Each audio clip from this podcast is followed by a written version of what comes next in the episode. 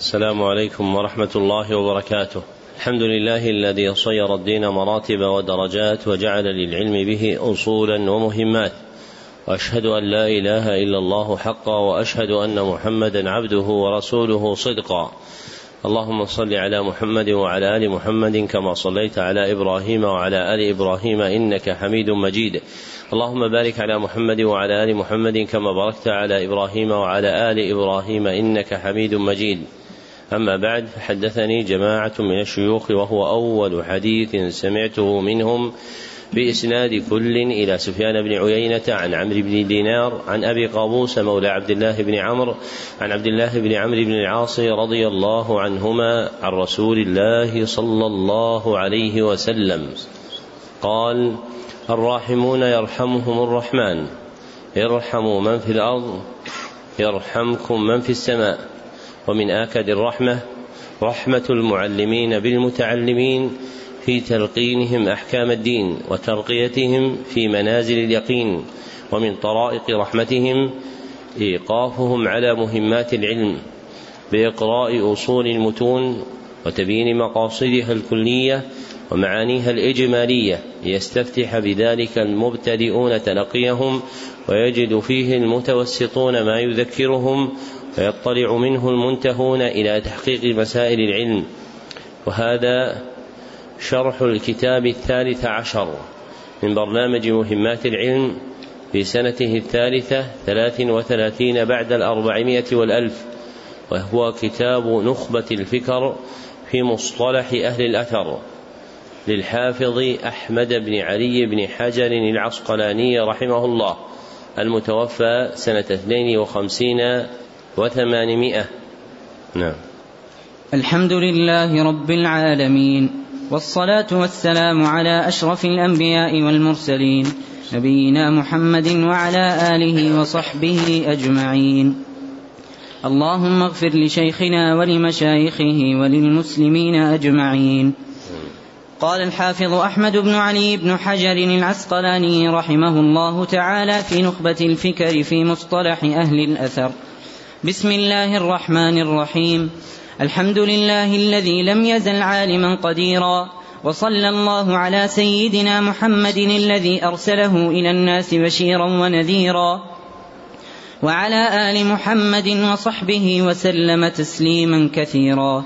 أما بعد فإن التصانيف في اصطلاح أهل الحديث قد كثرت وبسطت واختصرت فسألني بعض الإخوان أن ألخص له المهم من ذلك فأجبته إلى سؤاله رجاء الاندراج في تلك المسالك فأقول الخبر إما أن يكون له طرق بلا عدد معين أو مع حصر بما فوق الاثنين أو بهما أو بواحد فالأول المتواتر المفيد للعلم اليقيني بشروطه والثاني المشهور وهو المستفيض على رأي. والثالث العزيز وليس شرطا للصحيح خلافا لمن زعمه والرابع الغريب وكلها سوى الأول آحاد وفيها المقبول والمردود لتوقف الاستدلال بها على البحث عن أحوال رواتها دون الأول.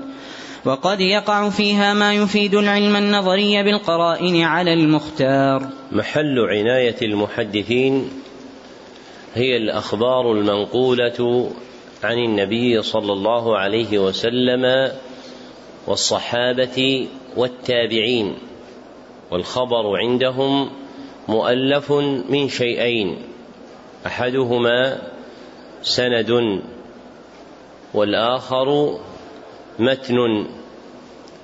فأما السند فهو سلسلة الرواة التي تنتهي إلى منقول.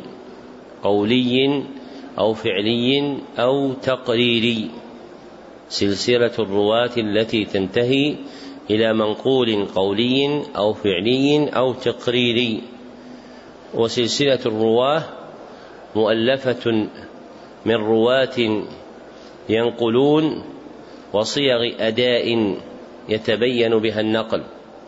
وسلسلة الرواة مؤلفة من رواة ينقلون وصيغ للأداء يتبين بها النقل. وأما المتن فهو ما تنتهي إليه سلسلة الرواة فهو ما تنتهي إليه سلسلة الرواة من منقول قولي أو فعلي أو تقريري. وأثمرت هذه العناية تدوين اصطلاح أهل الحديث الجامع للقواعد التي يعرف بها حال الراوي والمروي من القبول أو الرد ولهم في بيانه تصانيف قد كثرت وبسطت واختصرت. منها هذا الكتاب الملخص للمهم من ذلك ووقع تصنيفه إجابة إلى سؤال بعض إخوان مصنفه في الدين والعلم. وهو عبد السلام ابن أحمد البغدادي. وخبر ذلك مذكور في الجواهر والدرر للسخاوي فإنه هو الذي التمس من ابن حجر أن يضع هذا المختصر. والخبر عند أهل الحديث ينقسم باعتبار طرقه أي أسانيده إلى قسمين. أولهما خبر له طرق بلا عدد معين. خبر له طرق بلا عدد معين. وهو المتواتر المفيد للعلم اليقيني بشروطه. والمراد بكونه بلا عدد معين أي بلا اعتبار الحصر في عدد معين دون غيره. أي بلا اعتبار الحصر في عدد معين دون غيره. والمراد باليقيني الضروري الذي لا يتوقف على نظر واستدلال. الضروري الذي لا يتوقف على نظر واستدلال. ولفظ المتواتر من الألفاظ المستعملة عند قدماء المحدثين وليس اجنبيا عنهم وإنما الأجنبي هو بعض المعاني التي فسر بها فهو عندهم خبر جماعة يفيد بنفسه العلم بصدقه خبر جماعة يفيد بنفسه العلم بصدقه وليس له عدد معين. ومجاراة لما ذكره المصنف رحمه الله فالمتواتر هو خبر له طرق بلا عدد معين يفيد بنفسه العلم بصدقه.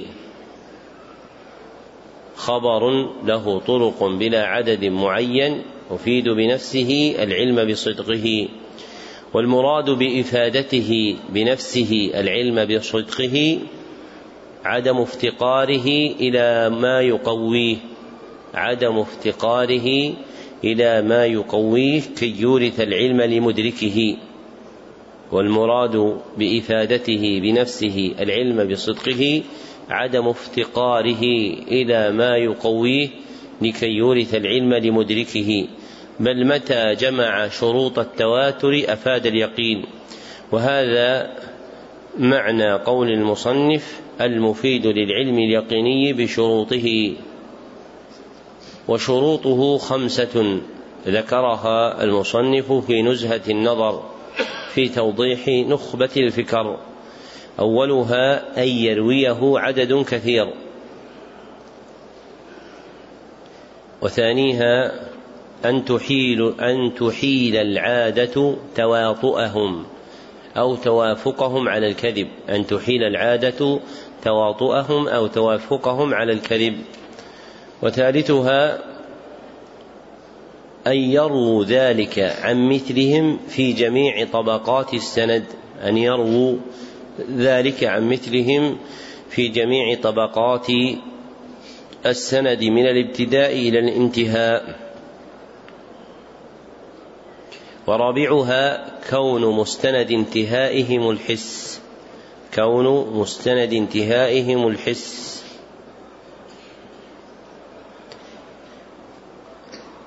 أي ما يدرك بآلته المؤدية إليه كالرؤية والبصر.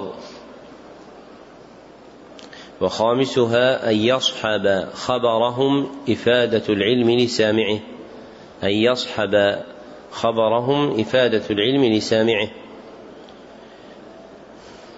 والنوع الثاني خبر له طرق محصورة. خبر له طرق محصورة وهو ثلاثة أنواع. أحدها ما حصر بما فوق الاثنين ولم يبلغ حد التواتر. ما حصر بما فوق الاثنين ولم يبلغ حد التواتر وهو المشهور. ويسمى بالمستفيض أيضا ويسمى بالمستفيض أيضا على رأي. وثانيها ما حصر بالاثنين. ما حصر بالاثنين وهو العزيز. وليس شرطا للصحيح خلافا لمن زعمه. وثالثها ما حصر بواحد وهو الغريب.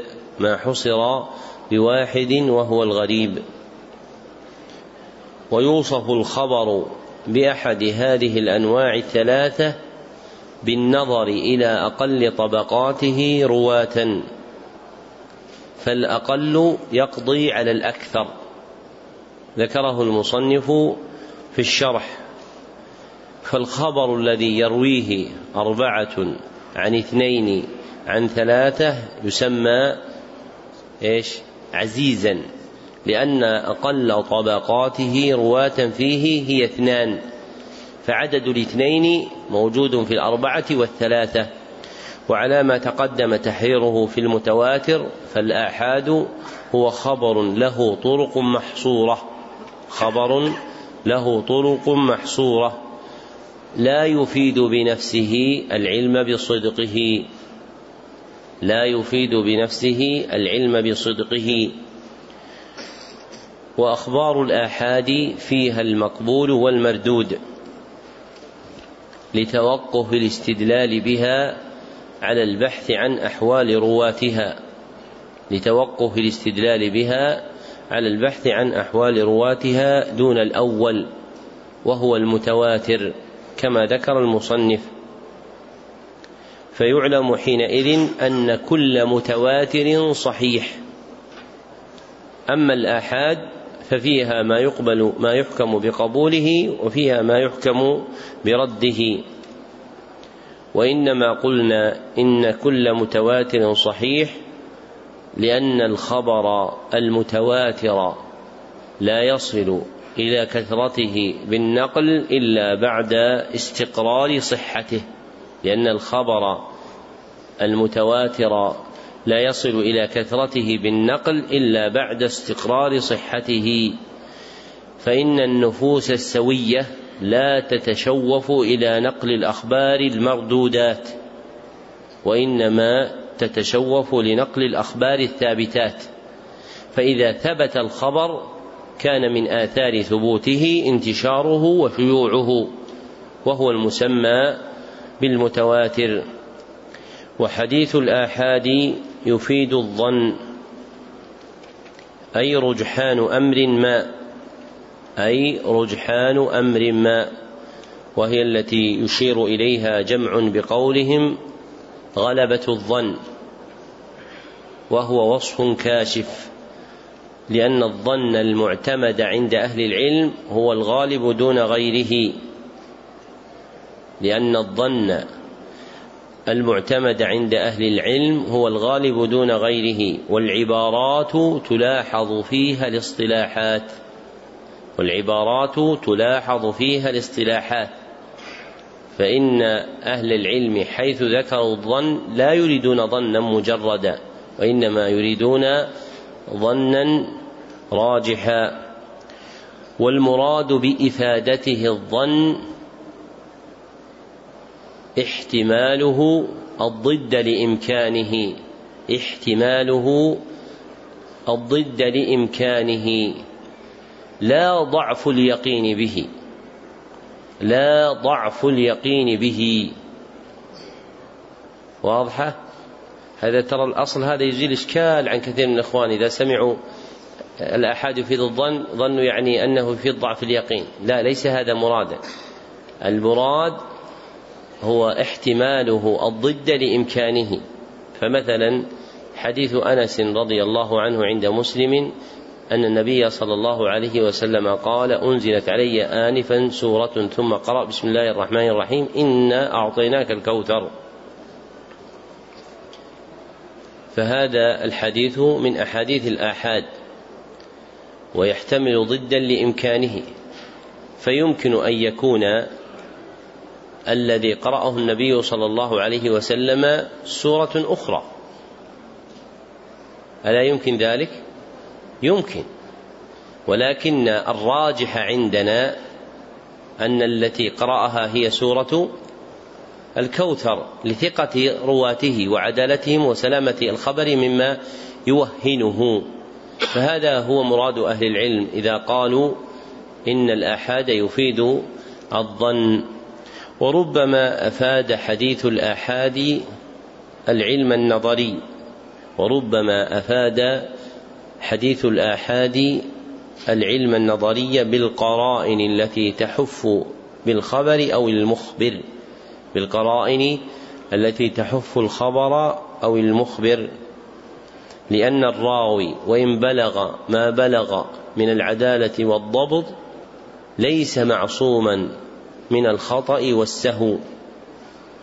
ووجدان هذا الاحتمال يمنع إفادته العلم في النفس. لكن متى صحت القرينة المقوية ضعف الاحتمال فسقط. لكن متى قوي صحبته القرينة المقوية ضعف الاحتمال فسقط. وهذا اختيار جماعة من المحققين. كأبي العباس ابن تيمية الحفيد والمصنف أبي الفضل بن حجر وابن باز رحمهم الله. نعم. أحسن الله إليكم. قال رحمه الله تعالى ثم الغرابة إما أن تكون في أصل السند أو لا فالأول الفرد المطلق. والثاني الفرد النسبي ويقل إطلاق الفردية عليه الغريب كما سلف من أخبار الآحاد ونقله ينحصر بواحد وهذا الحصر إما أن يكون في أصل.